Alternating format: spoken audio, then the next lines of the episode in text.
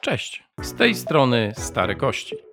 Nieprofesjonalny podcast o grach planszowych i wszystkim, co się z nimi łączy. Porzućcie wszelką nadzieję wy, którzy tu wchodzicie. Powodzenia!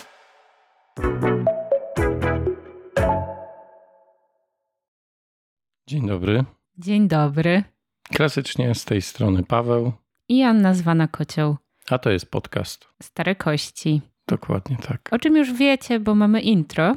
Ale my to mówimy, bo mamy intro. I chciałam powiedzieć, że wygrałam konkurs w wpatrywanie się i kto zacznie. Chciałem dodać, że dałem ci wygrać, bo widziałem, że rywalizujesz, a mi było obojętne. Ale tak, Joanna wygra. Także no, nie widzieliście tego, słyszeć też nie słyszeliście, ale siedzieliśmy w ciszy patrząc, kto zacznie. W statystykach na BGG na pewno nie omieszka Joanna zapisać tego wyniku i będzie można zerknąć. Więc spokojnie, będzie. No to co? Off topic. I Skoro chcia- musi być, to niech Ja. będzie. Chciałam zauważyć, że ostatnio, ostatnio, przed chwilą, przed nagraniem powiedziałeś, że montujesz odcinek i jest fajny off-top, zabawny, więc chyba zostaniesz fanem off-topu. Znaczy, nie masz to gdzieś nagrane? To jest jakieś potwierdzenie poza twoim słownym stwierdzeniem, że tak było. Ja nic sobie takiego nie przypominam, nic nie mówiłem. To jest wymuszenie, wiesz? Szczerze Jakie mówiąc. wymuszenie? Przecież to powiedziałeś przed chwilą. Kiedy? No, widzicie. I tak to właśnie jest z Pawłem. No ale cóż, bywa, jak zauważyliście, mamy też trochę ostatnio opóźnień w publikacji. I chyba e, naszym nowym dniem publikacji zostanie sobota. Ja nie wiem, czy ja się na sobotę wyrobię. Tak obiecać na 100% nie mogę i nie chodzi o ten materiał, który teraz słyszycie, tylko ten, który już dawno został opublikowany. Miejmy nadzieję. Miejmy nadzieję, tak, że to się nie zbiegło z czasem z publikacją tego materiału. Natomiast też rzeczywiście no, są opóźnienia, ale one są chwilowe. Tak, tak, chociaż no chyba chwilowe, mamy po prostu więcej pracy, innych obowiązków i trochę wolniej idzie. I co? Off-top może, Tak? możemy kończyć. Nie, tak? nie, nie. Ja chciałam jeszcze o czymś powiedzieć ważnym, bo mamy pomysł na odcinek o naszych kolekcjach. I ten pomysł wyszedł od jednego ze słuchaczy. Od drugiej słuchaczki wyszedł pomysł, że chciałaby usłyszeć o jakichś grach, o których się mniej mówi, które nie są tak bardzo popularne, nie są w tym największym mainstreamie. No i to może być odcinek, który odpowie właśnie na takie pytania.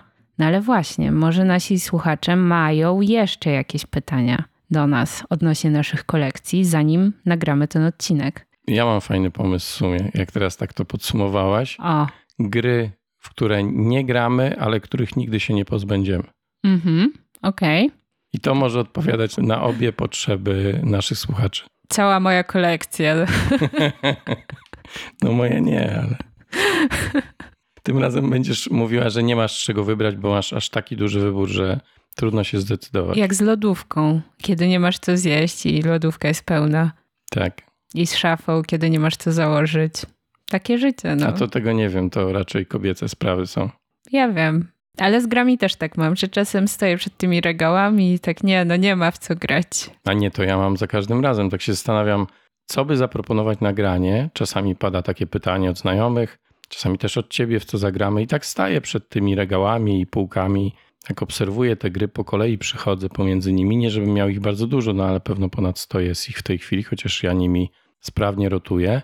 No i ja nie mam co wybrać. Ja nie mam gier, w które chciałbym grać. O co tu chodzi? Dlaczego ja ich nie mam? Ja mam za mało gier po prostu. Brakuje mi Tak. tych stu, w które chciałbym grać. Mam te, w których nie chciałbym, ale mam. Ja ostatnio w ogóle mam trochę przesyt gier i jakoś tak bardziej e, marudnie podchodzę do grania, wybierania gier i, i wszystkiego dookoła i mniej zabiegam o to, żeby grać. Myślisz, że udzieliło ci się moje nastawienie? Być może trochę tak, wiesz. Ja też jestem taką marudą. No, Nie dość, że nie mam kiedy, to jeszcze jak już mam grać, to, to musi być jakaś fajna gra. albo no bo, nie przyjdziesz. Albo nie przyjdę. Chociaż nie, no nie stosuję zazwyczaj takich narzędzi wywierania presji na współgraczach, ale rzeczywiście czasami po prostu nie mam czasu na to, żeby pójść na granie, jeżeli to ma być gra, w którą ja nie chcę zagrać. Czyli wtedy nie przyjdziesz. Dobra, jakby Nie to chciałem powiedzieć. Koniec. Koniec. Tym razem przynajmniej nie twierdziłeś, że nie dasz się wciągnąć w off-top. No bo się nie dałem wciągnąć jeszcze. Mówimy, nie mówimy o off-topie. Mówimy o aspektach związanych z prowadzeniem podcastu. Zapytaliśmy naszych słuchaczy. Ale to w ramach sobie- off-topu robimy. No, w ramach off-topu robimy coś nie off-topowego w sumie. Troszkę. A, czyli Cytując Czyli ciebie, off-top, nie nie dotyczy gier planszowych, a to jest w sumie off-top planszówkowy, a nie off-top jako taki. no, ale to nadal off-top. Co tam jeszcze? Nie, no tyle. Króciutki off-top dzisiaj. Ale ważny. Mhm. Ja tak w sumie edytuję O. teraz ten podcast i myślę, że biorąc pod uwagę to, co usłyszałem, a czego wy może jeszcze nie słyszeliście, albo słyszeliście, no bo ten odcinek, który ja teraz edytuję, powinien się już pojawić w momencie, kiedy wy będziecie słuchali tego, to tak się zastanawiam, czy nie zmieniła się Jakubowi ulubiona gra, twojemu mężowi, bo ty tak opowiadałeś ostatnio o tym, że jest taka jedna gra, w którą bardzo fajnie zagrać i można ją wziąć na wakacje, ale nie powinno się w nią grać raz po razie, a już na pewno nie trzy razy dziennie. I jak to wygląda teraz z perspektywy ostatnich dni? Tak, słuchajcie, nagrywamy to po długim weekendzie, gdzie zagraliśmy w ciągu dwóch dni sześć razy w Deep Sea Adventure. I to na prośbę mojego męża, który chciał w to grać i nazywa tę grę nurkowaniem. Więc jeżeli, nie wiem, mój mąż was kiedyś spyta, czy graliście w nurkowanie, to chodzi o Deep Sea Adventure. Co ciekawsze, nie przyznaje się do tego, że to był jego pomysł, jeżeli chodzi o granie. Nie, no to był mój pomysł. Żeby sześć razy zagrać. z nim, Nie, no tak? sześć y, razy nie. Jakby ja zabrałam grę, zaproponowałam, mojemu mężowi się spodobała, zagrajmy jeszcze raz, zagrajmy jeszcze raz i zagraliśmy sześć razy i ja teraz odmówiłam Pawłowi zagrania w tę grę. No, w związku z tym. Z relacji Jakuba bezpośredniej wynika, że to ty bardziej cisnęłaś na granie niż on. Tak ostatnio powiedział, że grał, bo ty chciałaś. Mhm. Więc jakby No, bo mój mąż właśnie jest mistrzem takiego, właśnie nie wiem, czy odwracania kota ogonem, ale wiesz, właśnie na przykład zrobienia czegoś takiego, czyli wie, że ja lubię grać, więc zagramy sześć razy w Deep Sea Adventure, że ja już mam po prostu dosyć i on to wie i wszyscy dookoła już tak średnio, ale mój mąż, no dawajcie, dawajcie. Ja taka, wiesz, wyprana, przemielona po tych sześciu razach i on, no zagraliśmy, cieszysz się, prawda? Bo lubisz grać, zrobiłem to dla ciebie. No i co mam powiedzieć? No ale wszystko się zgadza w sumie, tak? Jak... No a właśnie. to, że następne trzy miesiące nie zaproponujesz do grania nic lekkiego, a wiadomo, że w nic ciężkiego on nie zagra, to już jest zupełnie inna sprawa. No. No Widzisz? Ale on chce dalej w to grać, to jest najlepsze. No bo on chce podtrzymać tą pasę niegrania, proponując non-stop granie w to. Już wie, że ty nie chcesz, ale jednocześnie tak jakby utrzymuje cię w tej pozycji, że ty nie zaproponujesz nic nowego, żeby broń Boże nie doszło do sytuacji, jaka była wcześniej, czyli że będziesz tłukła w to samo. Nie, on po prostu jest takim graczem. Ma taki styl grania, że jak już coś pozna, to cały czas może w to grać. I tak jest, no wiesz, gra w szachy. On gra w te szachy po kilka razy dziennie na telefonie, tam na liczesie. I gra w nie dzień w dzień, dzień w dzień od ładnych pewnie już parunastu lat. Tak samo jest z Azulem. Jak poznał Azula, to po prostu nie chciał w nic innego grać. Azul, Azul, Azul, Azul, a ja mm, tak, tak, tak. No i teraz poznał Deep Sea Adventure. No i zaczęła się nasza morska przygoda w nurkowanie. Rzuciłaś go na głęboką wodę, można powiedzieć. Dużo tutaj żartów jeszcze można przytoczyć, ale to wcale nie jest śmieszne. Ja tam się bawię. Gorzej, że nie grałem i teraz muszę pożyczyć, żeby zagrać, bo nie A- sądzę, żeby to inaczej taka szansa mogła zaistnieć. Chociaż dzisiaj mogłabyś wziąć. No, no może. Chciałam też jeszcze powiedzieć, że nie tylko mojemu mężowi się spodobało i jego siostra już zakupiła swój egzemplarz po tym, jak z nami zagrali. Jakby przeliczać na wagę, to jest jedna z najdroższych gier, jakie są na rynku. Ale jak oni się nie znają, że tak powiem, to nadal dla Nie, no ja się z nami nie kupuję na wagę gier planszowych, więc jakby to nic nie znaczy. Ja tylko mówię, że, że gra jest droga, jeżeli A są tacy gracze, którzy zawsze patrzą przez pryzmat tego, co jest pudełko, a nie to, tego, co oferuje sobą rozgrywka i jakie mechanicznie smaczki e, ma dana gra, tylko ile ma figurek albo ile waży pudełko. No, różnie Dla się mnie- podchodzi do gier. Wielkość pudełka, to, że można wszędzie je ze sobą zabrać, że jest takie małe, jest bardzo dużą zaletą. To tak jak, nie wiem, jak ktoś wykona swoją pracę szybciej, to powinieneś mu mniej zapłacić, no to tak mniej więcej gdzieś to czuję. Ale ja wcale nie neguję tego, co ty mówisz. Ja tylko mówię, jak myślą inni gracze, bo są tacy, którzy myślą w takich kategoriach. No to tak czy siak Mniejsze, gorsze. wciągnęłam kolejne osoby w morską przygodę. Koniec off-topu? Czy jeszcze byś chciał? Nie, nie, nie. Ja jakby nic nie mam do powiedzenia w topie Mhm, dzisiejszym. Nie masz nic. Nic. To przechodzimy do tematu głównego naszego odcinka, a będzie to topka i antytopka. Mechanik w grach planszowych. Mi się bardziej podobało stwierdzenie Botomka. No, ale to zapożyczone od innego podcastu. No i co z tego? Takie autorskie mocno. A od którego? Kości, piony i bastiony.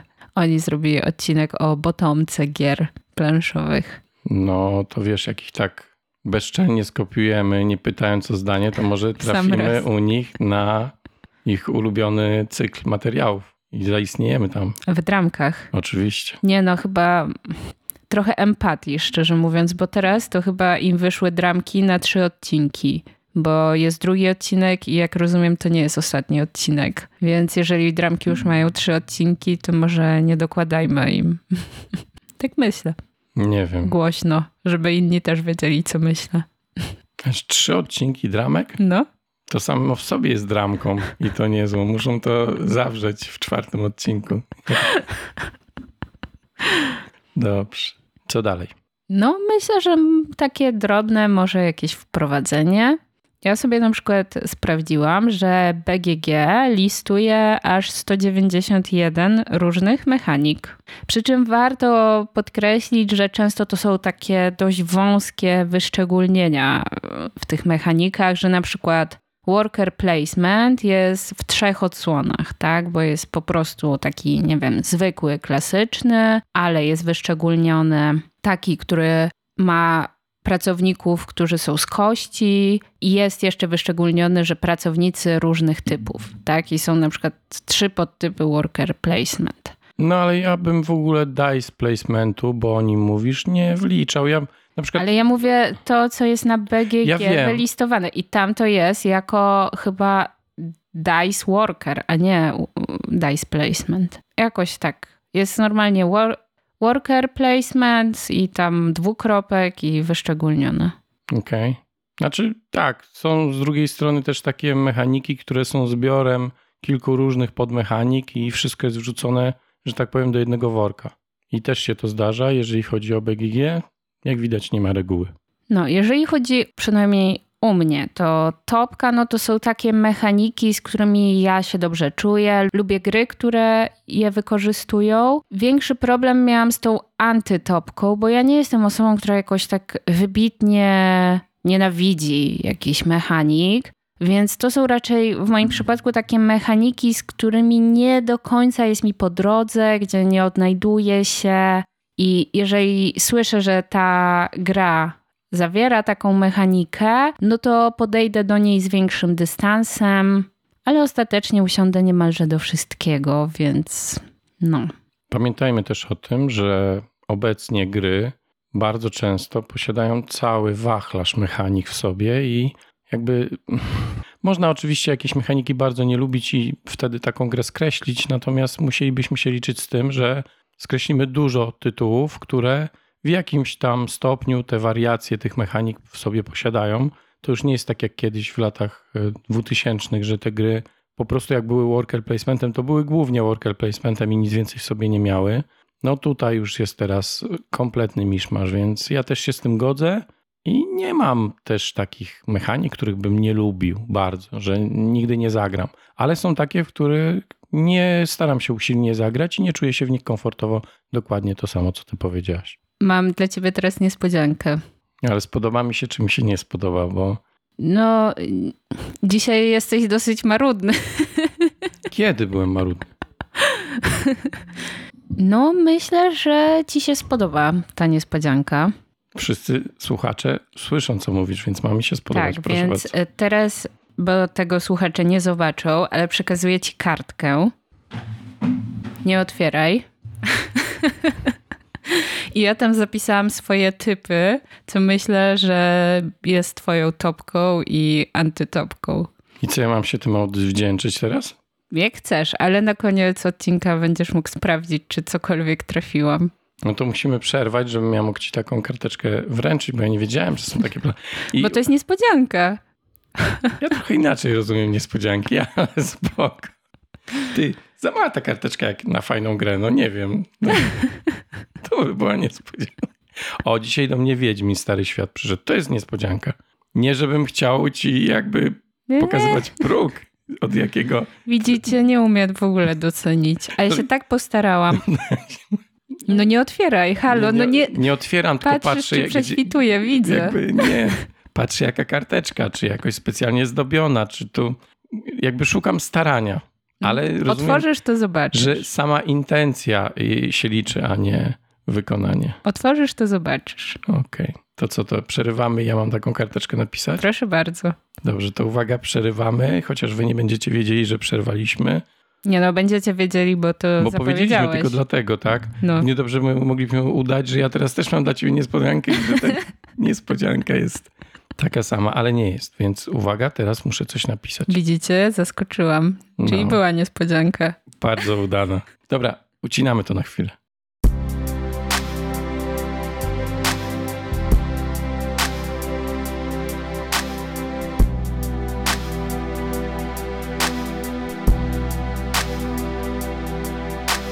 No więc, żeby spełnić formalności, wróciliśmy właśnie i to teraz ja, Joannie, przekażę jakiś zlepek, w którym są informacje na temat tego, które mechaniki ona najbardziej lubi i najmniej. No i zobaczymy, czy udało nam się dobrze wytypować, kto i jaki ma gust planszówkowy. Tak, przy czym trzeba dodać, że tutaj naprawdę Paweł mocno się zastanawiał, wzrok do nieba wznosił z prośbą o natchnienie i jeszcze sam doznał jakiegoś natchnienia co do swoich wyborów, także bardzo owocna niespodzianka. A kartka jest żółta, nie lubię żółtego, no więc Taką kartkę miałem. No, co miałem teraz? Różowej szukać? Fioletowej? no, no halo. Czyli nie ma niespodzianki w tą drugą stronę. Dobra, przechodzimy do tematu już chyba. Czy jeszcze coś ze wstępu? Nie, nie ma wstępu dalej. Lecimy z tym tematem, żeby nie Dobra, było za długo. topka. Topka. To jaka jest twoja pierwsza mechanika? A, to ja pierwszy będę mówił. Tak. Okej. I ja od razu powiem, że ja za bardzo nie zaskoczę nikogo, jeżeli chodzi o mechaniki. Musimy wziąć pod uwagę, że jestem przede wszystkim graczem euro. Lubię gry strategiczne, nie lubię losowości i chaosu, więc moje odpowiedzi będą trochę tendencyjne. No ale, no przepraszam, tak jest. No to nie będę teraz wymyślał, jak to Joanna ostatnio ładnie powiedziała na nowo koła. No jest jak jest. I zaczynamy od mechaniki, której absolutnie można się po mnie spodziewać. I tą pierwszą i chyba ulubioną moją mechaniką w grach planszowych jest worker placement. I od razu nadmienię, że nie chodzi koniecznie o placement jako taki, czyli nie dice placement, ja to oddzielam, stricte worker placement. To lubię w grach bardziej. Oczywiście lubię też ten kościany placement i uważam, że jest bardziej różnorodny, albo inaczej, daje większe możliwości, no bo tymi kośćmi możemy obracać, je rozwijać możemy. W zależności od tego, jaką mają wartość, no to możemy im przyporządkować różne akcje i tak dalej, i tak dalej. A jednak mimo wszystko lubię ten klasyczny, stary worker placement, który jest jedną z podstawowych mechanik w większości gier euro. On występuje w jakiejś formie. No i cóż więcej mógłbym na ten temat powiedzieć? To jest bardzo prosta i elegancka mechanika. Pozwala na interakcję, ale nie taką negatywną, której nie lubię, tylko taką, w której po prostu uprzedzamy się w pewnych aspektach gry, blokujemy sobie czasami akcje i nie przeszkadza mi to. To jest powiedzmy sobie pewien rodzaj planowania i strategicznego myślenia, w jaki sposób sobie ułatwić, a innym utrudnić rozgrywkę. Daje poczucie strategicznej różnorodności, jakiej większość mechanik mi nie daje po prostu. I to jest coś, co bardzo lubię w worker placementie, że, że daje mi duże możliwości. Kupuje mnie przede wszystkim różnorodnością, co już wynika pośrednio z tego, co wcześniej mówiłem. Pomimo, że od wielu lat jest w różnych grach, to cały czas ewoluuje. I to nie jest tak, że to jest mechanika, która jest stała i której nie można zmieniać. Ona jest troszkę taka plastyczna. Da się ją ładnie i sensownie e, zmodernizować, czy e, w jakiś sposób e, dodać jej twisty, które powodują, że za każdym razem będzie troszkę inna. No i gry, które szczególnie darzę sympatią i pokazują potencjał tego worker placementu, to na przykład Agricola, jako klasyczny worker placement, w którym po prostu wystawiamy ludzika, blokujemy innym pole akcji, zbieramy zasoby, a później coś się z tego dzieje, ale też najeźdźcy północy, czy najeźdźcy ze City, w których mechanika wymiany workerów zastępuje tą taką klasyczną i zawsze mamy tylko tych workerów dwóch i będziemy nimi rotowali w bardzo ciekawy sposób. Architekci Zachodniego Królestwa to z kolei kolejna gra Shema Phillipsa, która pokazuje, jak utalentowany jest to autor, jeżeli chodzi o właśnie rozwój i twistowanie mechaniką worker placement, bo tam z kolei zaczynamy z pełnym pakietem ludzików i powoli, powoli zaczynamy się ich pozbywać, a później mamy problem, żeby oni do nas wrócili, więc to troszkę odwrócony pomysł na to, jak wykorzystać worker placement. Bardzo udany, zresztą ja bardzo lubię architektów Zachodniego Królestwa. Są podwodne miasta, gdzie na przykład ten worker placement jest związany z polami akcji dopasowanymi kolorystycznie do kart i to też jest pewien rodzaj twistu, jeżeli chodzi o tą mechanikę. Uczta Odyna, w której liczba workerów determinuje rodzaj i siłę akcji, jakie możemy wykonać. Wyprawa Darwina albo King Hill, w których z kolei możemy rozwijać workerów i poszerzać ich umiejętności w bardzo fajny, mm, różnorodny sposób. Jest Everdell ze swoim e, pasowaniem do kolejnej pory roku, specjalnymi workerami, z zimowego szczytu i tak dalej, i tak dalej. No jest tych możliwości wiele. Nawet te Obsession, którego może nie wiecie jeszcze, a może już wiecie, nie lubię. Chyba już wiedzą, tak? Chyba Pewno już się już dowiedzieli. Wiedzą. Ale jest tam ta rotacyjna dostępność pracowników, którzy przed tym, jak znowu będą dostępni, muszą chwilę odpocząć. Jest Ancient World albo Ocaleni, gdzie workerzy mają różną siłę determinującą to, w jaki sposób wchodzimy y, w interakcję z innymi graczami. No jest tych możliwości ogrom i... No w ogóle jest bardzo dużo tych gier. No nie wymienię więcej, jakby, żeby nie było... Mm, Jeszcze pokolenia powinieneś wymienić. Ale w pokoleniach nie ma klasycznego worker placementu. Znaczy, tak, wystawiasz te ludziki i wykonujesz nimi akcje, no ale jakby, no można tak powiedzieć. Przy czym to, no dobrze, jest. Ale tam inna mechanika jest główną mechaniką, osią gry ale niewątpliwie są też e, workerzy i będziemy ich wykorzystywali.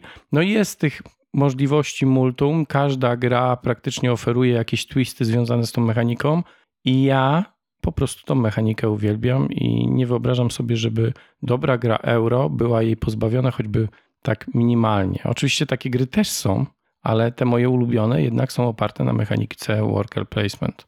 No to ja mogę powiedzieć, że to jest też mechanika, która jest na mojej liście top. Mhm. I ja sobie sprawdziłam, że BGG listuje 3269 gier, które mają tę mechanikę.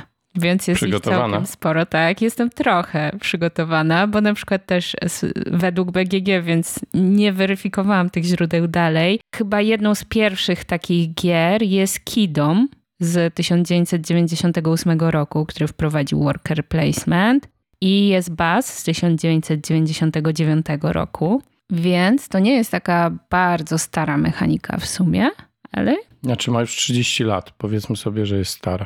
Okej, okay, no to jest stara. Nie należy do młodzieniaszków. No dobra, ale nie wiem, nie ma dwóch tysięcy lat, jak niektóre rzeczy. Żadna z mechanik, które dzisiaj omówimy, chyba nie ma dwóch tysięcy lat. Tak? Okej, okay, to zobaczymy. Już się domyślę, jaka ma. Domyślam się. W każdym razie, co więcej chcesz powiedzieć jeszcze na ten temat? No bo skoro jest też w twoim topie, to na pewno masz ochotę coś na ten temat powiedzieć. Tak, no to ja może tak powiem z takich właśnie BGG-owych różnych ciekawostek, bo ja trochę się wczytałam w BGG, że według BGG to jest takie rozwinięcie action draftingu i w sumie coś w tym jest i można tak spojrzeć na tą mechanikę. E, z gier najwyżej w rankingu BGG mamy Dune Imperium, które posiada worker placement, a potem jest właśnie Uczta dla Odyna, którą wymieniłeś i Arnak, Zaginiona Wyspa Arnak. To z takich ciekawostek, bo sprawdziłam sobie po prostu, które gry tam są najwyżej. Jest mhm. takich gier, które lubię, to też mam na przykład Viticulture, tam jest worker placement i jeszcze są te pory roku i, i to jest fajne i oczywiście standardowo trzeba zastrzec, że z dodatkiem Toskania. Tak, i tam są też pola bonusowe, na których opiera się troszkę ten worker placement, czyli takie, na których możemy dostać dodatkowe profity, ale sam worker placement jest tam bardzo klasyczny. W tej takiej najbardziej oczywistej formie. Co więcej, to jest gra, w której trzeba mieć wszystkich pracowników, mhm, tak. bo inaczej jest ciężko wygrać. Mm, wypisałam sobie też z fajnych gier e, Keyflower. Ja lubię i tam też jest worker placement, taki ciekawy. Bardzo nietypowy, tak. No, ale jest. Bo tam się wystawia ludziki na przewagi. Ale możesz albo na przewagi, albo właśnie na akcje mhm. i to jest twoja decyzja i pozyskujesz tych ludzików, tracisz tych ludzików, oni nie są do ciebie przypisani, tylko to, co zgarniesz, to twoje. Tak, tak. To kolejny przykład na to, jak można rozbudować tą mechanikę i jak wykorzystać ją nietypowo w grach planszowych. No i przejrzałam sobie też listę gier z tą mechaniką i sobie wypisałam takie, w które chciałabym zagrać. I wypisałam sobie, że nie grałam nigdy w Stone Age, to jest Epoka Kamienia? Epoka Kamienia i w Argent the Consortium. Też bym chciała w to zagrać. A co to jest to drugie? Jako, że nie grałam, to nie opowiem ci tak dokładnie teraz. Nie, ale... Natomiast z tego, co rozumiem, to tam się rywalizuje chyba w jakiejś szkole magii okay. i cele są ukryte, w sensie warunki punktowania na koniec i zwycięstwa są ukryte, ale są mechanizmy poznawania tych warunków. Okej. Okay. No ja nie grałem, jak widać, bo nie wiem nawet co to za gra, a w epokę Nie wiem jak grałem. tam jest z tym, z tym worker placementem, ale jest wymieniony, więc dlatego sobie tu wrzuciłam, że to jest gra, w którą chciałabym zagrać. Okej, okay, dobrze. A, jeszcze jedna. Jeszcze? No, jeszcze Cathedral. Chciałabym w to zagrać. Natrafiłam na tę grę przy okazji robienia list gier do wehikułu czasu planszówkowego. I nie ma żadnej innej gry opartej na worker placementie oprócz tych trzech, które chciałabyś zagrać. Pewno jest dużo, tak? Ale te przykuły twoją uwagę szczególnie. Tak, że to są takie gry, w które nie grałam, a chciałabym zagrać okay. i je poznać. I gdzieś Dobrze. właśnie je wyłuskałam. Dobrze. Niech i tak będzie. No bo tak poza tym to już bardzo dużo o tym powiedziałeś. Też mam to na swojej liście. Ja nie umiem chyba do końca powiedzieć, którą mechanikę najbardziej, ale to faktycznie jest jedna z takich mechanik, do których chętnie usiądę i zazwyczaj dobrze się bawię. No. Daje też poczucie kontroli, nie? Jakby zazwyczaj mhm. możesz planować do przodu i możesz planować świadomie i, i daje dużą różnorodność strategiczną punktowania, bo gry oparte na worker placementie zazwyczaj mają dużo możliwości e, punktowania. Tak. To co, to teraz trochę przełamujemy i ja podaję? No tak. bo już. Znaczy, przełamujemy, no. jak przełamujemy, no to zobaczymy, co z tego wyjdzie, bo ja też mogę mieć. No, albo nie. właśnie może nam się coś e, powtarzać, ale może się też w takiej konfiguracji top, antytop powtarzać. Może tak być. Bo ja na przykład może bym teraz powiedziała o mechanice push your luck, która jest też zwana mechaniką press your luck.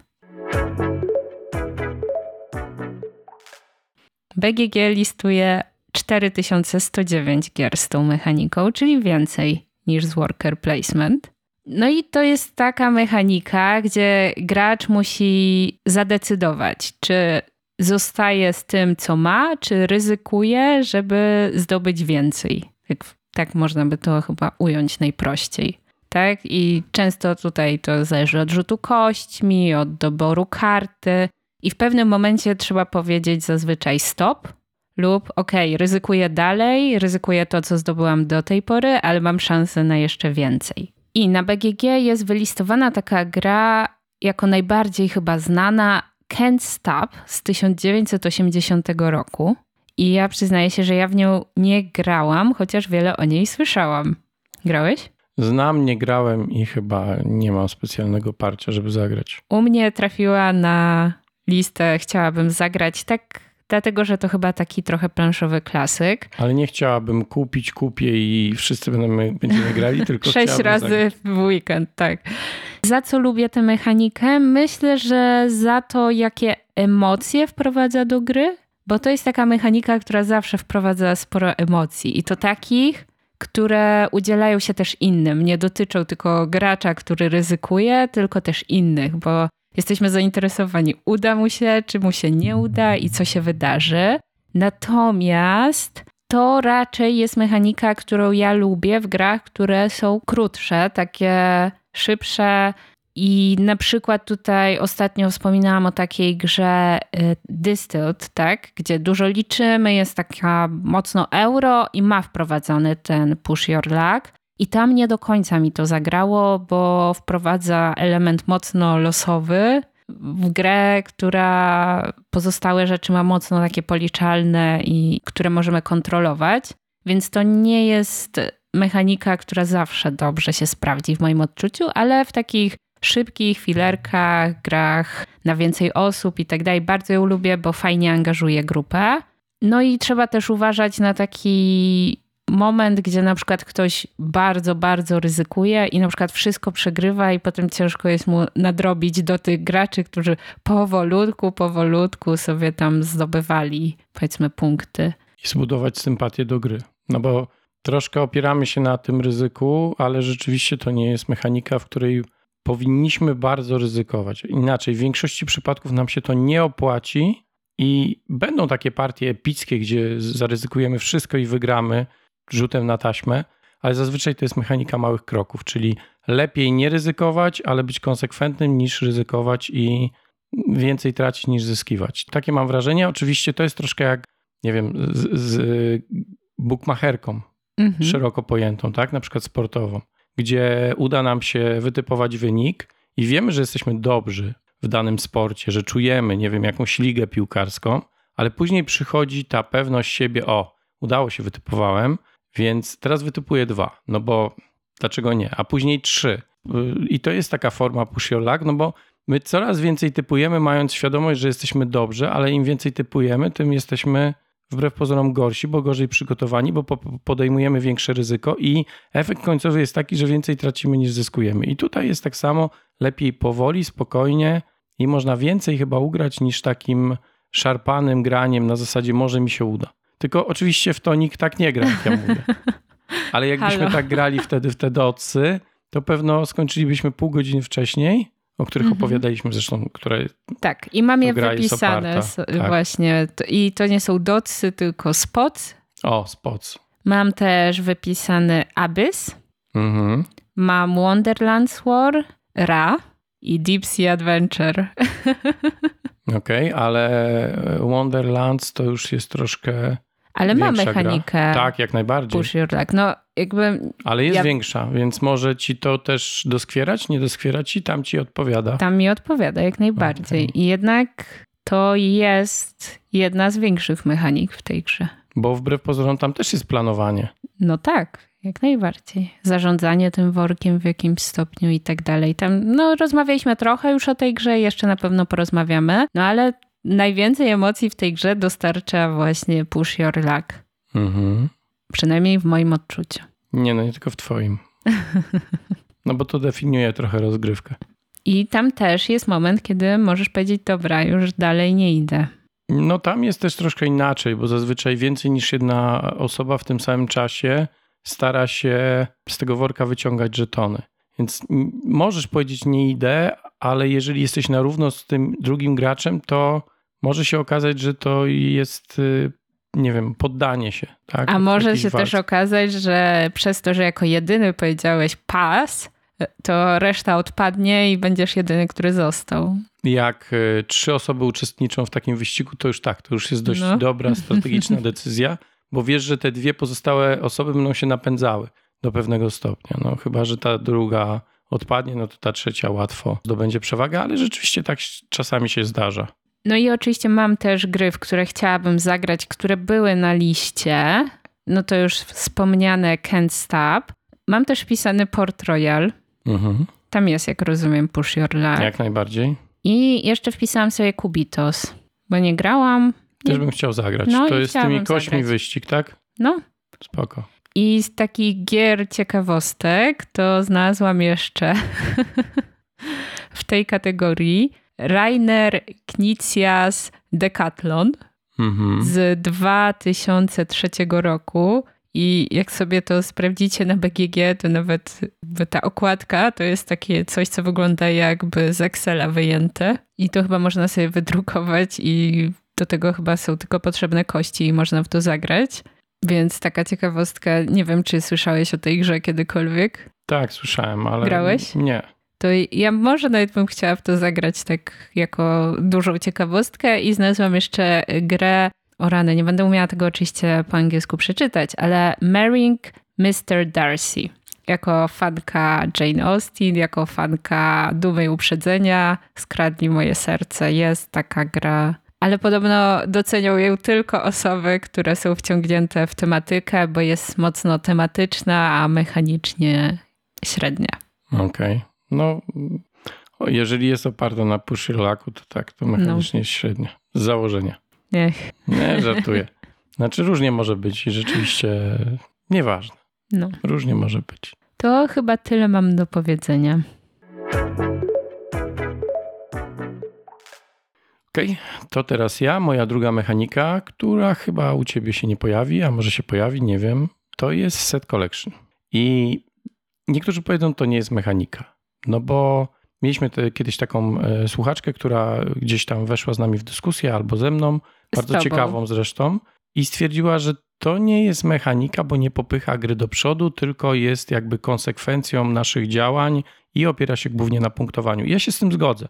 Czy mm, set collection to może być punktowanie na koniec gry i bardzo często właśnie w ten sposób ta mechanika jest wykorzystywana, ale wcale nie musi być, bo podobnie jak z kontraktami, i tutaj może być taka sytuacja, że my ten set zbieramy w jakimś celu, który ma nas mechanicznie popchnąć do przodu. Albo nas rozwija, albo daje nam nowe umiejętności, albo pozwala nam, nie wiem, zrealizować coś, jakieś zadanie, które ma nie tylko punkty, ale także, nie wiem, jakąś inną akcję, albo mm, wymusza jakieś działanie, które powoduje, że my jednak mechanicznie popychamy się w grze do przodu, więc ja uznaję mechanikę set collection. To jest też czasami wyścig w trakcie rozgrywki o spełnienie jakichś celów, które też mogą dawać różne przywileje i korzyści, niekoniecznie punkty.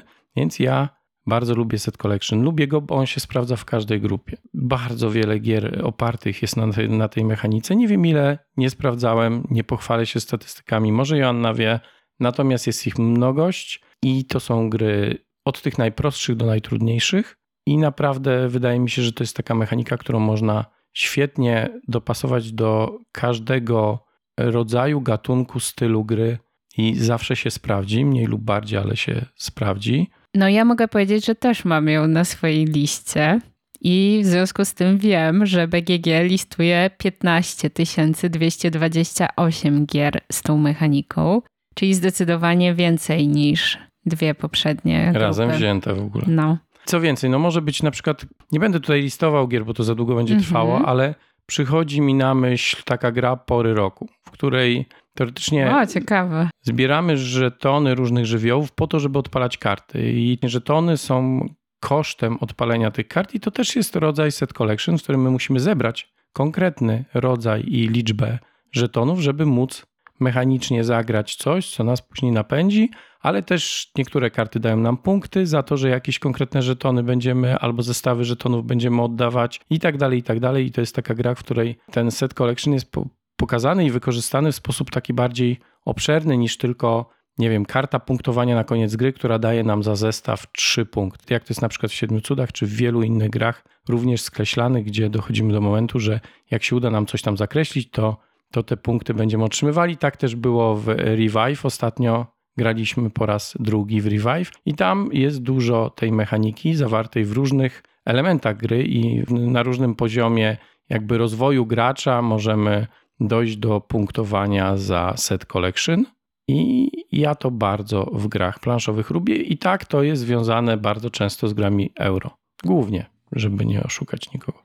No ja mogę powiedzieć, że tę mechanikę lubię za to, że właśnie urozmaica grę, zazwyczaj ma bardzo proste zasady i może być, że tak powiem, włożona do wielu gier, co jakby ta liczba gier wylistowanych na BGG potwierdza i sam też o tym już mówiłeś. Raczej chyba wolę ją jako jedną z mechanik, a nie jedyną, natomiast sama też się sprawdza przy lżejszych grach. Ale do wielu gier można ją jako ciekawe urozmaicenie dołączyć. Można powiedzieć, że trochę jej rozwinięciem czy inną formą są kontrakty, bo tam też musimy na przykład często coś zebrać. Często Tylko kontrakty opierają takiego, się no. o mechanikę set collection, Dokładnie. chociaż same z siebie uznawane są za osobną mechanikę, No. ale, ale tak. No i ostatnio ogrywamy, bo nie mówiliśmy o tym, ale myślę, że powiem. Ogrywamy wyprawę Darwina i tam też jest ciekawy motyw e, z budowaniem set collection, no bo nasi e, pracownicy się rozwijają. I to też jest forma set collection, no bo w zależności od tego, jakie będą mieli zwoje, to są chyba zwoje, tak? Ja to nazywam pieczęcie, ale tam są chyba, zwoje w różnych kolorach. Zebranie odpowiednich zwojów może wpływać na to, że odpalimy sobie efekty na kartach, które każdy z graczy ma tak bonusowych kartach, które może odpalić, ale także pozwalają nam korzystać ze specjalnych, unikalnych umiejętności, akcji na planszy, których normalnie bez zebrania tego zestawu kolorystycznego korzystanie jest niemożliwe albo jest bardzo utrudnione, więc to jest pokazanie szerszego kontekstu, jeżeli chodzi o set collection, nie taki w formie, że zbierzmy dwa symbole jakiegoś rodzaju, to dostaniemy punkty, chociaż i to tam również jest zawarte, choćby w punktowaniu pomiędzy rundami. Tak, ja też mam wypisane, że trzeba uważać, przynajmniej z mojej perspektywy, ja tak średnio lubię zbyt prosty, losowy set collection, który może być trochę nudny, powtarzalny i idący też czasem w stronę pasjansa. Mhm. I tutaj takie y, drobne zagrożenie widzę z tą mechaniką. Jakiś przykład gry? Do...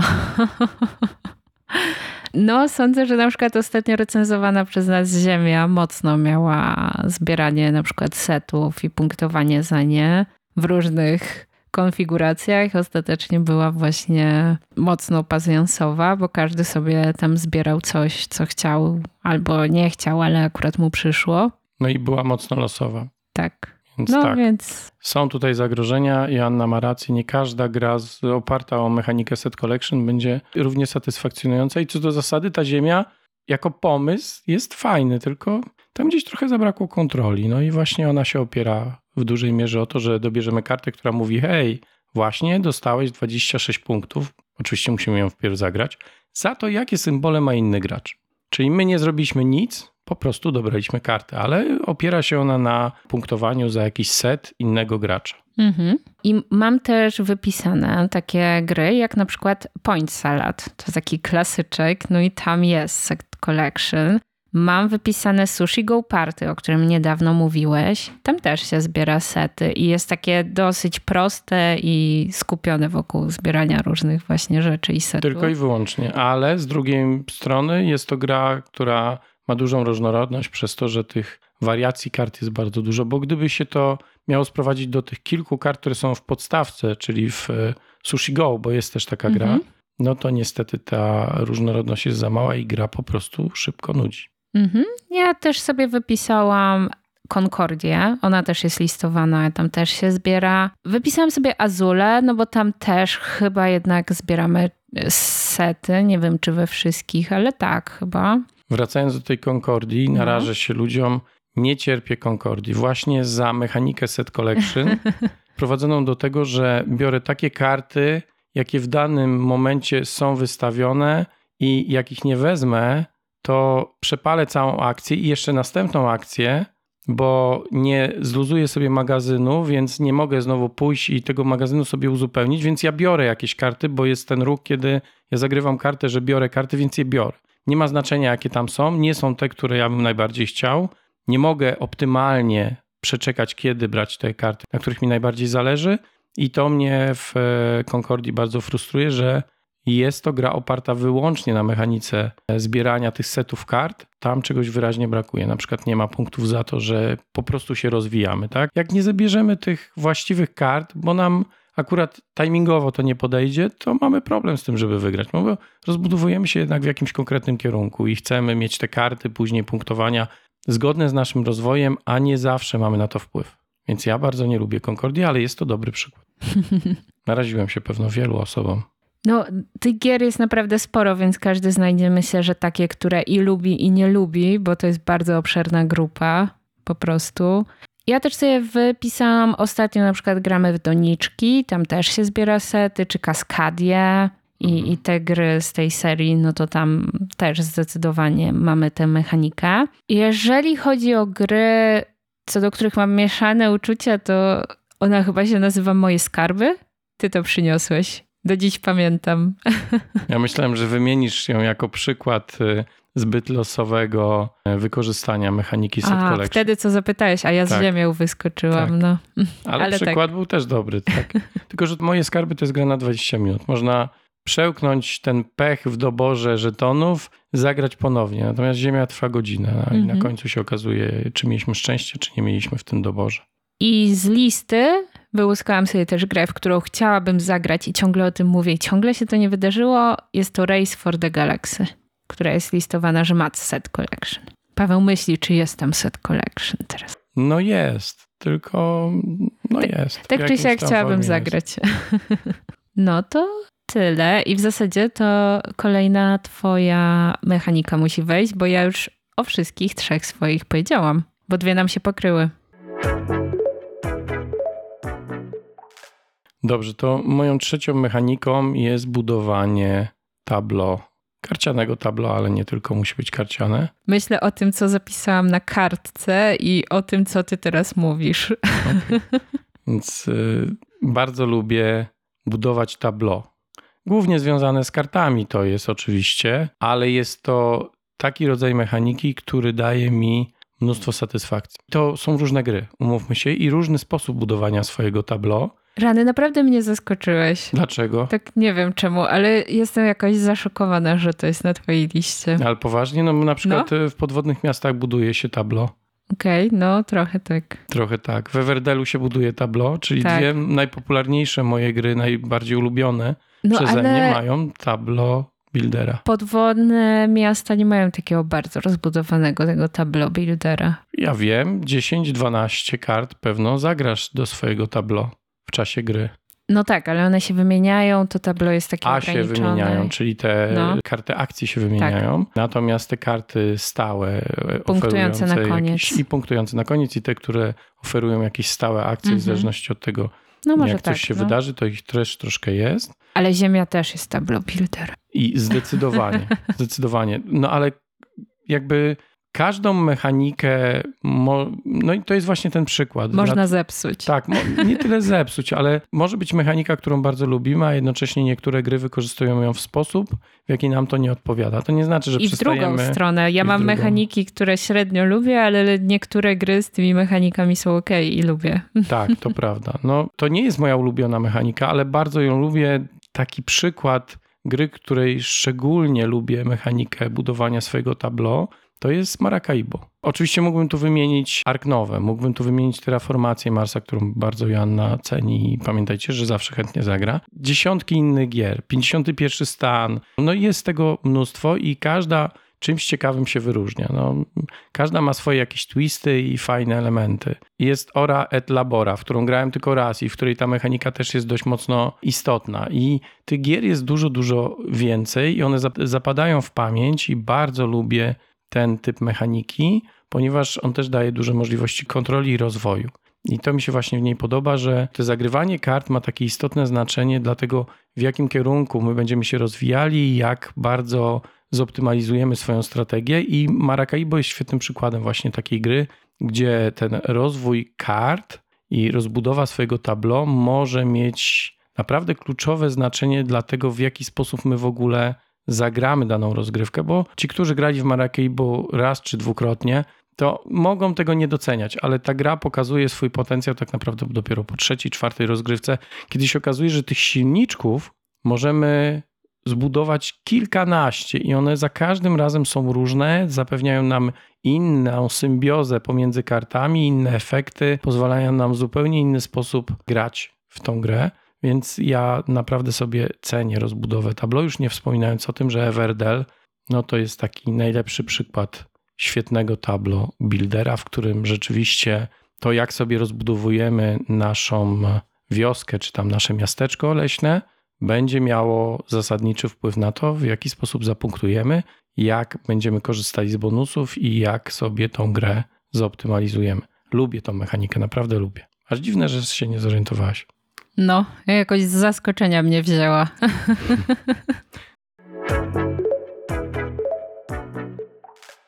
Dobra, ja za dużo mówię. To teraz przechodzimy do tej bardziej smakowitej części naszego podcastu dzisiejszego, czyli do mechanik, które niespecjalnie lubimy, tak? Mhm. Albo tak jak wspomniałam, że z większym dystansem. Nie czujemy komfortu grając w gry, w których ta mechanika jest dość istotnym elementem.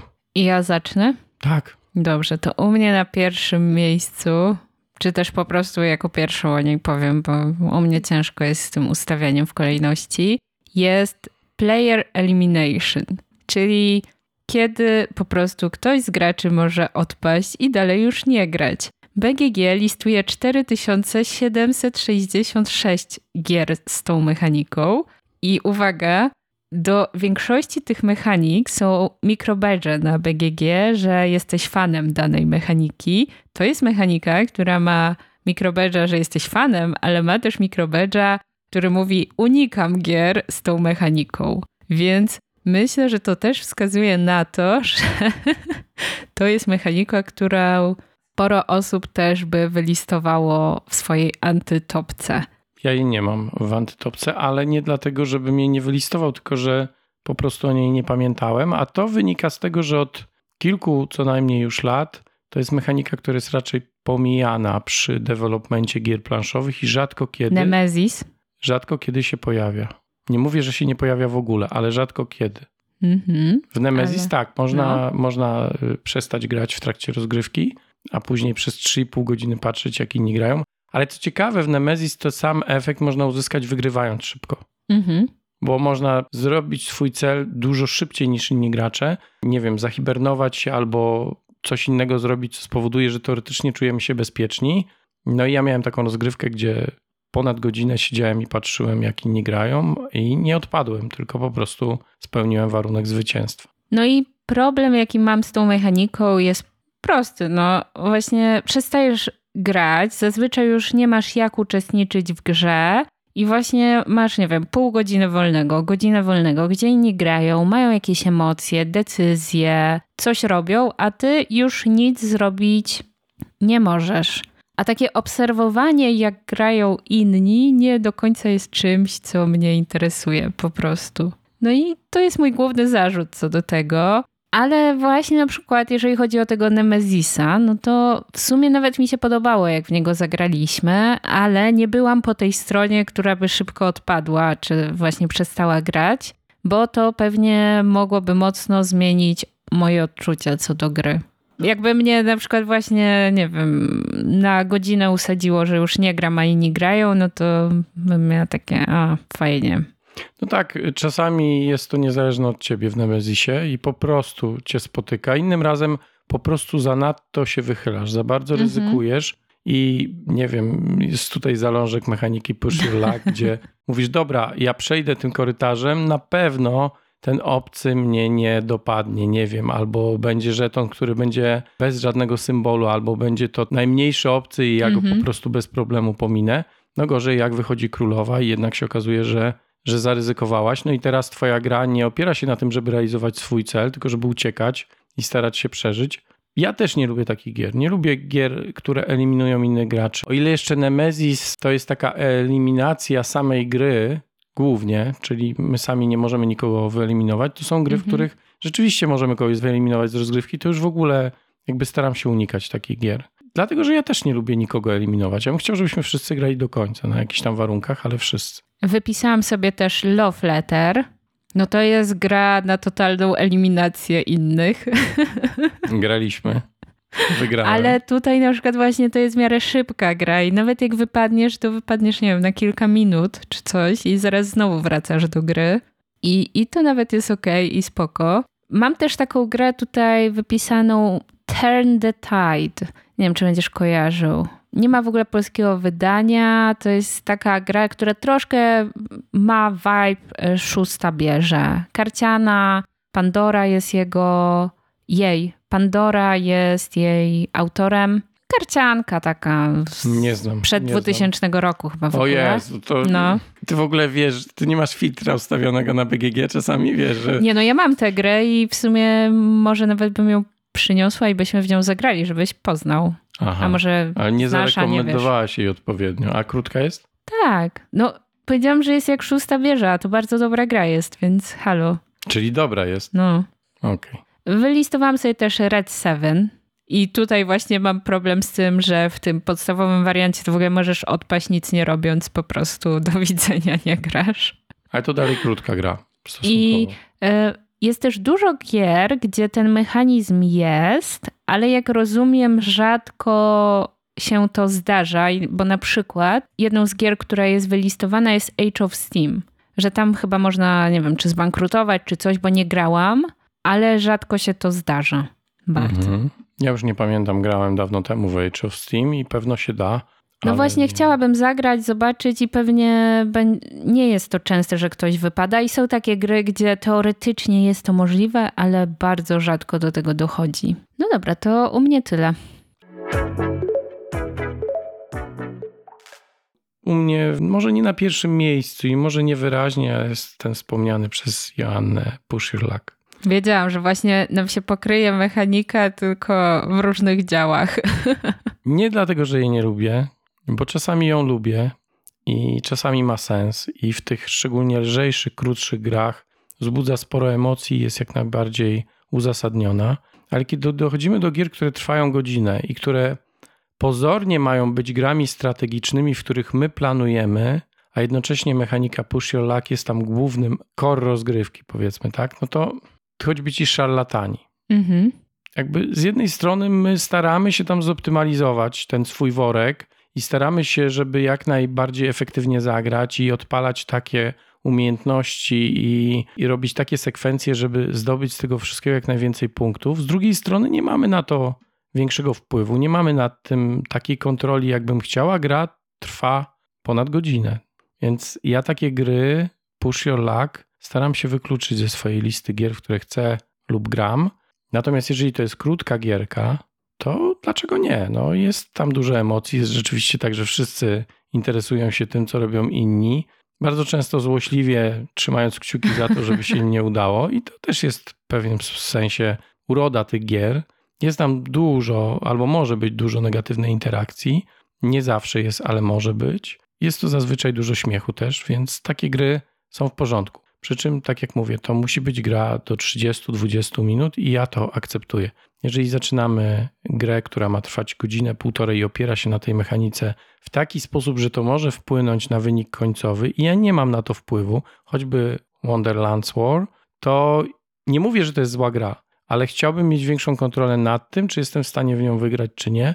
I mam wrażenie, że nie do końca zależy to ode mnie. Nawet jeżeli podejmę dobre wybory, jeżeli chodzi o to, jakie żetony pozyskam, wrzucę do tego worka i jak będę kontrolował pozostałe aspekty gry, to i tak jest ten moment, kiedy ja muszę te żetony z worka wylosować i wtedy może mi podejść albo bardzo nie podejść. No i to jest mój pierwszy typ. Nie będę się pastwił nad tą mechaniką, bo tak jak mówię, to nie jest tak, że nie za, zagram w grę, która jest na niej oparta, ale lubię, kiedy nie determinuję rozgrywki. O, to chyba mogłem nie gadać 30 minut, tylko powiedzieć te jedno zdanie i wyszłoby na to samo. To teraz ja. Teraz ty. No to ja mam według BGG to jest auction łamane na bidding, czyli aukcja, licytacja. BGG listuje 4877 gier z tą mechaniką.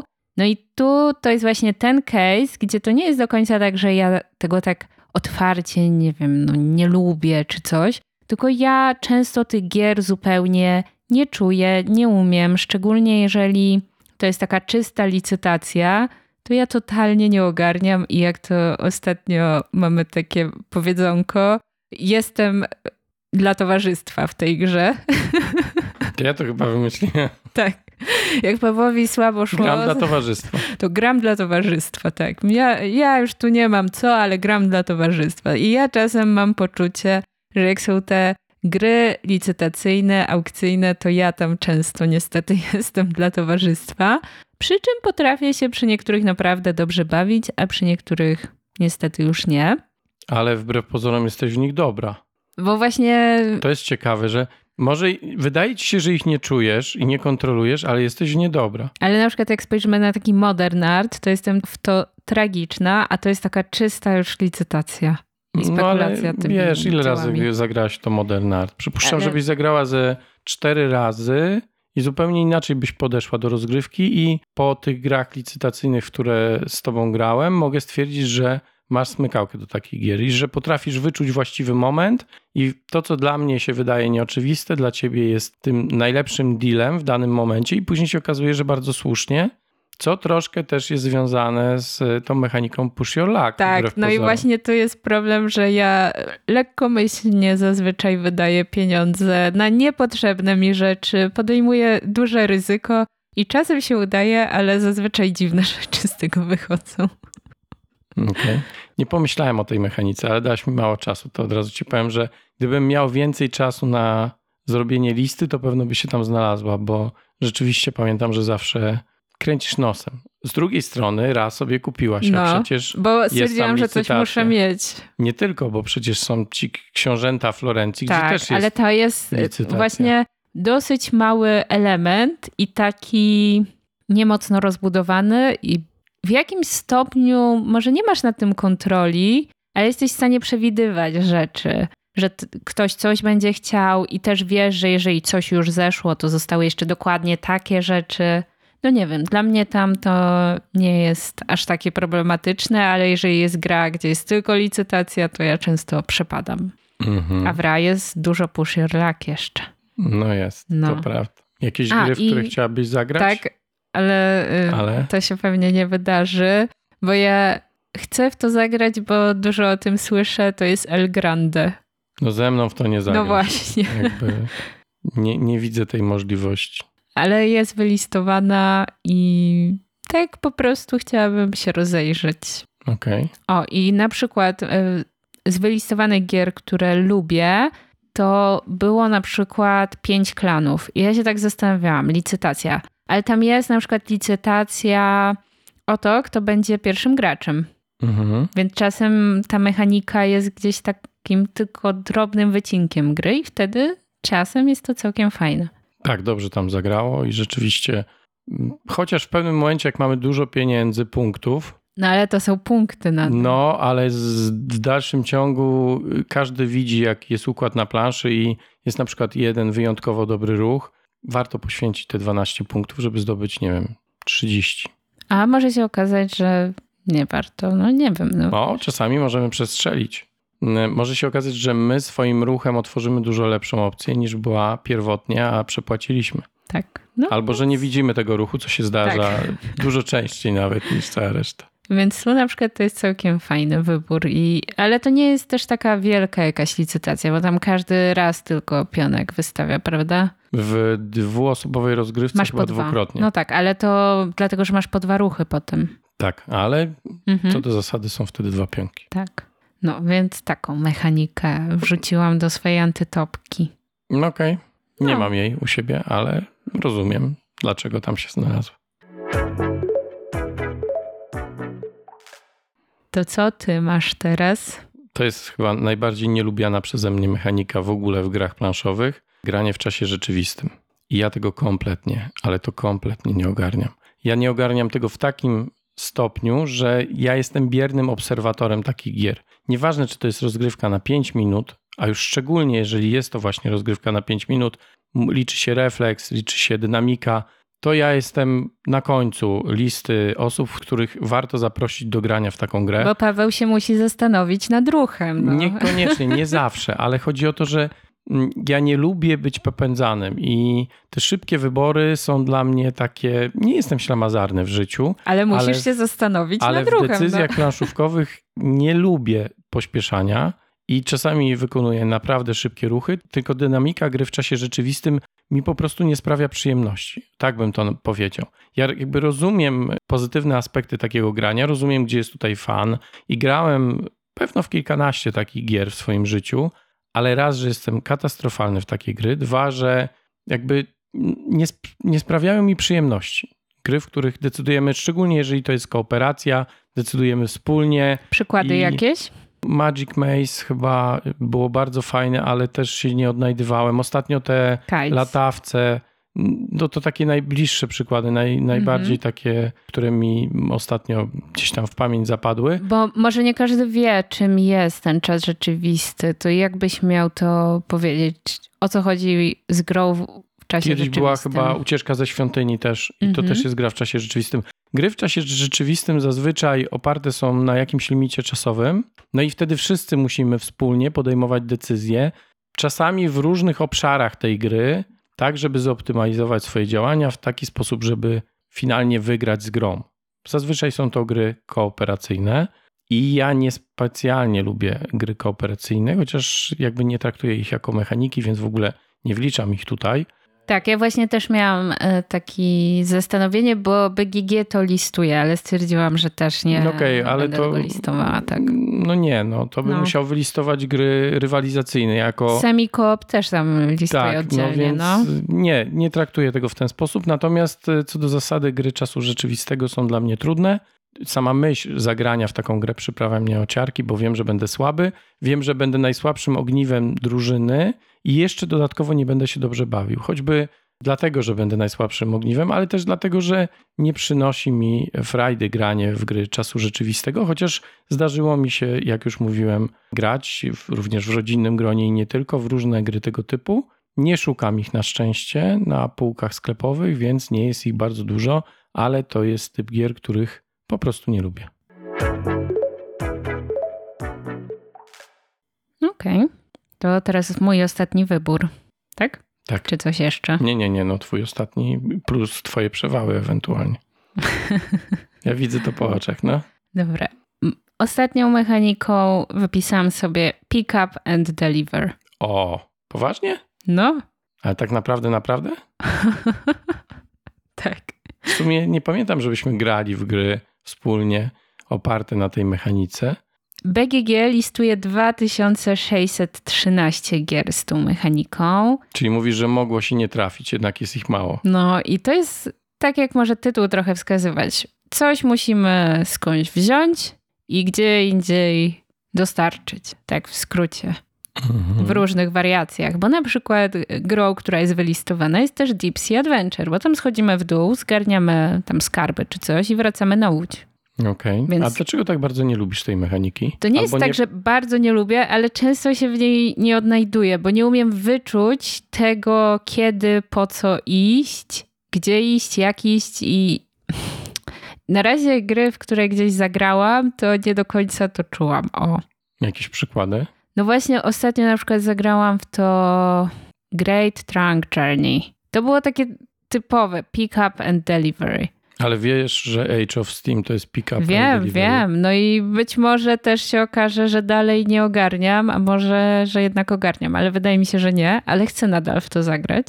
Nie wiem, jakby nie odnajduję się. Mam dużo wyborów, bo to często jest tak, że nie masz narzuconej jednej rzeczy, tylko możesz zrobić wiele rzeczy. Musisz wybrać co, gdzie i jak. Są w tym inni gracze, którzy, nie wiem, mogą cię ubiec w czymś. Wow. Mhm. I ja tam jakby gram, ale też dla towarzystwa. No więc taką mechanikę wybrałam. Chociaż wydaje mi się, że może właśnie przez to, że tych gier nie jest tak dużo, ja w nie za dużo zagrałam, to może jestem w stanie jeszcze to odczarować trochę. Bo na przykład też grałam w taką grę Horrified. Grałeś? Nie. I tam w jakimś stopniu też jest takie pick up and delivery i to jeszcze w wymiarze takim kooperacyjnym. No i tam nawet spoko, taka luźniejsza gra właśnie kooperacyjna i też trzeba chodzić, zdobywać różne rzeczy i, i tak dalej. I tam jakoś jeszcze w miarę to ogarniam, bo prosta gra, ale ogólnie średnio. Czyli sama realizacja kontraktów jest ok, o ile nie musisz ich nigdzie dostarczać, tak? Jakby No bo pick-up and delivery to jest mechanika, w której z jednego miejsca coś bierzesz, żeby do drugiego miejsca dowieść. Z kolei Tak, ale często musisz- nie wymuszają od nas ruchu w dane miejsce zazwyczaj, tylko posiadania i oddania danych rzeczy. No właśnie, rozumiem, a tam w tym pick up and delivery zazwy- nie wiem czy zazwyczaj, ale często wydaje mi się, że jest tak, że nie masz tak konkretnie celu jednego, tylko wiele rzeczy do zrobienia i musisz je uszeregować. Co najpierw, co później, to z tego wyniknie i tak dalej. Jakby jest potencjał, żebym jeszcze polubiła takie gry. Teraz się średnio w nich odnajduję. Mm, I tyle. Okej. Nie mam nic do powiedzenia więcej na ten temat. Nie jest to jakaś specjalnie lubiana przeze mnie mechanika. To jest podobny case, jak wcześniej było e, z grami, o których ty mówiłaś, co ja zapomniałem i znowu zapomniałem. Co to było? Co to było? E, To były gry, gdzie się eliminuje graczy. O właśnie. Bo wbrew pozorom niewiele jest gier tego typu z mechaniką pick up and delivery. O nich się zapomina troszkę. A nawet jak ta mechanika jest, to zazwyczaj ona jest dość taka mm, mało inwazyjna albo nie determinuje całej rozgrywki. I dobrze, bo gdyby determinowała, byłoby nudno. Znam takie gry, które niestety są na niej w 100% oparte, jak Wenecja, i to niestety był tragiczny pomysł Że nudno? nudno, żmudno, długo, losowo, bo mm, różnie mogły ci te kontrakty podejść albo nie podejść, a tam jeszcze robiłaś sobie taki silniczek, że miałaś ruch z punktu do punktu i jak się ruszałaś do tych punktów i aktywowałaś je, to zdobywałaś tam coraz więcej możliwości. Akcje były coraz mocniejsze, więc budowałaś sobie taką trasę, po której chciałaś pływać jak najczęściej, żeby jak Mhm. najczęściej odpalać właśnie te, a nie inne lokacje. No jeżeli ci podszedł kontrakt, który mówił ci popłyń tam, gdzie już i tak jesteś najbardziej zbustowana, żeby coś zrobić, no to automatycznie popychało ci to mocno do przodu, a ktoś inny mógłby mieć kontrakt, który no niestety wymagał od niego płynięcia pod prąd, że tak powiem, a Wenecja jest grą oczywiście o Wenecji i tam pływaliśmy po kanałach, ale to nie jedyny przypadek i nie jedyny przykład gry z tą mechaniką, której niespecjalnie lubię, jest Isla Bond, gra Laukata. Mhm. Chyba najgorsza, w jaką grałem, szczerze mówiąc. Takie klasyczne pick-up and delivery. Mega nudne, mega długie, nic się tam nie dzieje. Rozczarowany byłem tą grą, jak żadną inną chyba jego grą. I tam właśnie też jest ta mechanika i jest y, dość istotnym elementem rozgrywki, więc o tym trzeba pamiętać. Okej. Że jeżeli ona determinuje całą rozgrywkę, to może być rzeczywiście nudno po prostu, bo robimy cały czas to samo. Dobra, ale to nie moja co ty masz mechanika. na deser?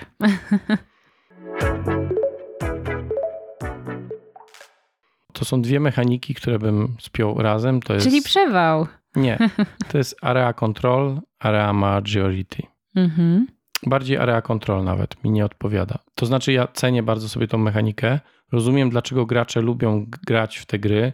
Rozumiem, że tam jest masa interakcji i te gry naprawdę mogą sprawiać satysfakcję, ale ja tego nie ogarniam. Nie ogarniam w ogóle planowania przestrzennego, dlatego Tygrys i Eufrat, gdzie to planowanie jest kluczowe i gdzie ja muszę widzieć nie tylko co dzieje się w tej chwili na planszy, ale też co zrobią inni gracze i ktoś jednym ruchem może mi rozwalić całą moją strategię, to nie są niestety gry dla mnie. I oczywiście ja bardzo sobie cenię na przykład gry Langa i Ang jest takim przykładem gry tego typu, którą lubię i którą, w którą mogę zagrać. Już inne gry, choćby Ojciec Chrzestny albo Rising Sun, to unikam. Naprawdę nie chcę w te gry grać. Lubię za to Blood Rage'a, ale to jest zupełnie inny rodzaj gry, bardziej nawet opartej na drafcie. Mechanice, której nie wymieniłem, a też bardzo lubię i jakbym miał powiedzieć z takich mniejszych mechanik, które lubię bardzo, bardzo, jedną z nich jest na pewno draft.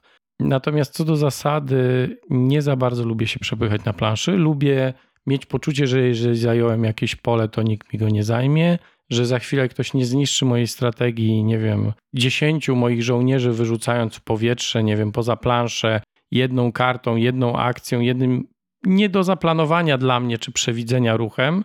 To nie są moje ulubione gry. Dlatego gram w nie stosunkowo rzadko i tylko w te najlepsze. I na przykład Ach, sama elita po prostu planszówkowa, Paweł inaczej nie siada. do takich gier nie. No i wymiar... Jakie to są najlepsze? No na pewno jest to Blood Rage, na pewno jest to Ang, z tych, które mi przychodzą teraz do głowy. Lubię gry cywilizacyjne, ale też nie wszystkie, na przykład Monumental, w której oczywiście też jest wypychanie z regionów i też można stracić przewagę i, i stracić ludziki, więc większość gier cywilizacyjnych tak naprawdę, tych, które są na planszy, mają tą mechanikę jakby wpisaną w ogólną koncepcję gry. Ale już na przykład El Grande, no wolałbym sobie ręce uciąć niż zagrać w ten tytuł, chociaż wiem, że on ma wielu fanów i Jakby nie mówię, że to jest zła gra, petycję ale muszę zrobić i zebrać tysiąc podpisów, żebyś ze mną w to zagrał. nawet jak zbierzesz milion podpisów, fajnie by było, niech subskrybują od razu, to będzie Aha. milion subskrybentów. Dobra, inaczej. Jak zbierzesz 2000 subskrybentów na naszym koncie, to ja z tobą zagram w Elgrande. Okej, to jest do zrobienia. Jakby w przestrzeni następnych 10 lat pewno tak, ale mam Szykuj duży, się już psychicznie. mam, mam duży komfort czasowy, więc dwa ty- dwu tysię- 2000 subskrybentów.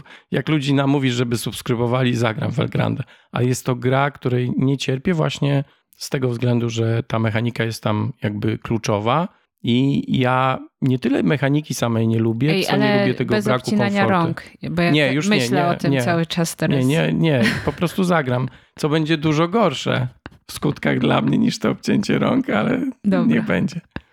Czyli wybierze, wybieramy gorszą karę, zagranie w e, El Grande. No, No, no, i to, dobra. to jest mój trzeci typ. Jakby co do zasady cenię, ale niekoniecznie lubię grać w gry z tą mechaniką.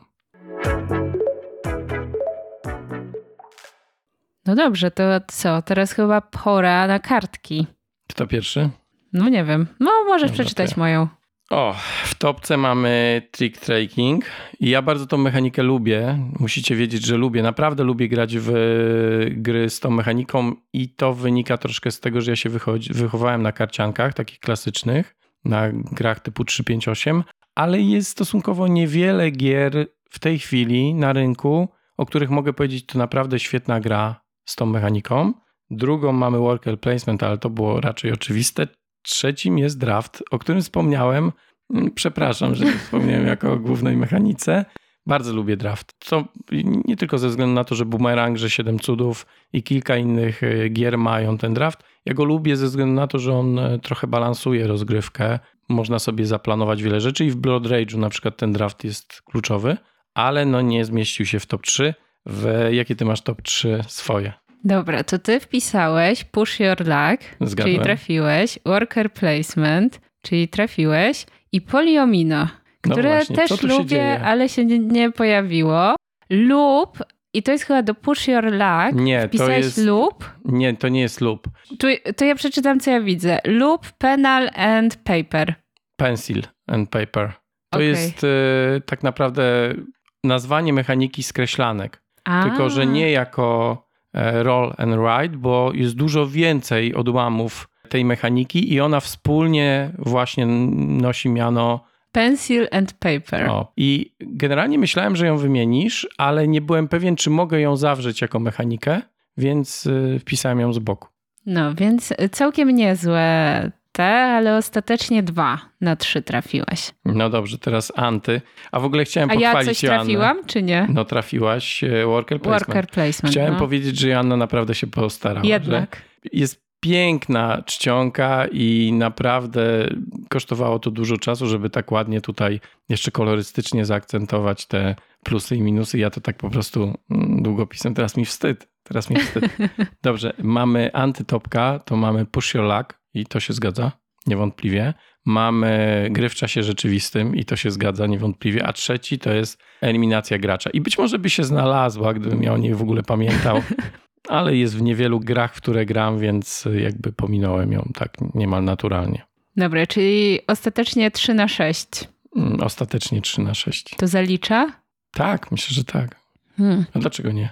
Bo na przykład u mnie było tak, że na zaliczenie była połowa plus jeden punkt. No nie, ale później wspomniałem o drafcie i on tutaj A, jest. no dobra, to takie pół Więc punktu. jakby i powiedziałem, że jakbym pamiętał o eliminacji gracza, to też bym wspomniał. Myślę, że no nie dobra. masz sobie nic do zarzucenia. Dobra. E, Ty obstawiałeś u mnie Area Control. Ale nie trafiłem. Nie wiem Nie. dlaczego w sumie, bo jesteś złośliwą bestią w grach tego typu, więc chyba To lubisz. dlaczego miałabym nie lubić? Nie wiem, na szybko. Sorry, na szybko. Czas rzeczywisty to chyba jakaś projekcja tego, że ty nie lubisz. Myślałem, że też nie lubisz. Dobrze, i co trzecie było? No i dedukcyjne Tak. gry.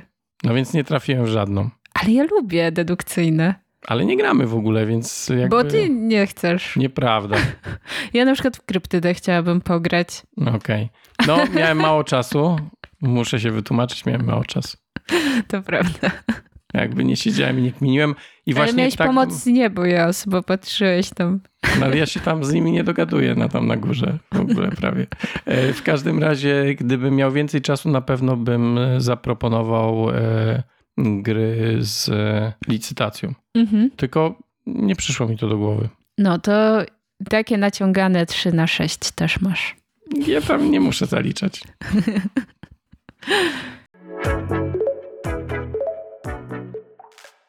Dobra, a masz jakiś przewał? W sumie nie mam. Znaczy, A. znaczy wiem, że ty No. masz, a Ale taki mini, bo ja mam taką honorową wzmiankę, aka przewał, bo to nie wiem, czy to jest do końca mechanika, czy coś, ale ja czasem mam problem z tym, jak wybierany jest pierwszy gracz. To jest jakby element gry, ale związany jakoś z mechaniką, że na przykład to, co się dzieje w Sabice, gdzie jest tor, gdzie wybierany jest tylko jeden gracz i to narzuca kolejność wszystkich innych graczy. Dzięki czemu ktoś może nic nie robić o to, żeby być na przykład drugim zawsze. I ja tego nie lubię. To taka moja honorowa wzmianka. Nie wiem, czy to się zalicza jako mechanika, jako składowa mechanika e, gry, ale ja tego nie lubię. Okej. Ja bym mógł powiedzieć, że nie lubię, kiedy gry nie mają setupowej różnorodności, jeżeli chodzi o kolejność graczy, Mhm. ale to na pewno nie jest mechanika. I nie lubię to w dwie strony, czyli nie lubię, kiedy jest też zbyt boostowany ten ostatni gracz. Ostatnio gramy w wspomnianego Darwina i tam razem z dodatkami są dodatkowe karty, różnych umiejętności, karty początkowe. No i nie do końca jest to rozpisane poprawnie albo niewytłumaczone, jak grać, jeżeli chcemy grać więcej niż z jednym takim mini dodatkiem. No i może się okazać, że ten ostatni gracz będzie wszystko wybierał jako pierwszy. I wtedy ten pierwszy gracz, jedyną jego przewagą jest to, że jako pierwszy wykona pierwszą akcję, co nie determinuje w żaden sposób rozgrywki. I my to już wiemy po kilku partiach, że to nie jest tak, że, że on wygrywa automatycznie, bo jest pierwszy. No ale z kolei boostowanie ostatniego gracza może wpłynąć na to, że on będzie miał dużo lepszy start. No i to chciałem powiedzieć, ale to nie jest mechanika. Mhm. No to kończymy na dzisiaj. Dziękujemy Wam bardzo za wspólnie spędzony czas. No i pamiętajcie, 2000 subskrypcji i ja po prostu siadam do El Grande. No, No to jest tylko i wyłącznie w waszych rękach, żeby tego dokonać. ja nie wiem, teraz tu brzmisz, jakbyś chciał zagrać w El Grande. Nie, nie chcę, bo nie wierzę w to. Jakby to jest tak bezpieczne, że nigdy się nie zdarzy. Jest, mam ten Mhm. komfort. Mhm. No to ty No musisz może. coś zrobić, żeby się zdarzyło. Ale nie wiem, czy będziesz szczęśliwa, jak już zagrasz w to El Grande. Czasem w niektóre gry po prostu chce się zagrać, żeby mieć, wiesz, odhaczone na liście Żeby zagranych. się przekonać, że nie jest się szczęśliwym grając w te gry. Tak. To ja już to wiem El Grande. Dobrze. Ale w Shoguna bym chciał zagrać. Grałeś w Shoguna? Nie, Nie. przepraszam, moja pierwsza myśl to, że to jakaś zmianka z D, ale Nie, dlaczego nie. o tym akurat teraz mówisz? Bo Shogun mi się kojarzy z El Grande. Tam też A, jest kontrola okej, regionów okej. i też są kosteczki, tylko tam rzucamy je, walczymy i tak dalej. Ja nie znam dokładnie zasad Shoguna, ale zawsze chciałem zagrać, pomimo że tam jest area control. Okej, to dopisujemy kolejną grę, którą trzeba zagrać. No tak musi być. Dobrze, to wszystko dzisiaj. Dziękujemy bardzo. Do usłyszenia następnym razem. Subskrybujcie, lajkujcie. Subskrybujcie bardzo. Nie musicie. Lajkujcie, komentujcie. No i dajcie znać, czy Wam się podobało i jakie Wasze są ulubione mechaniki i te, których naprawdę nie lubicie albo nie czujecie się z nimi komfortowo. I w sumie to zawsze Joanna mówi tak na koniec. Nie wiem, dlaczego ja jej zabrałem ten cały. Buu. Dobrze. Do usłyszenia. Do usłyszenia.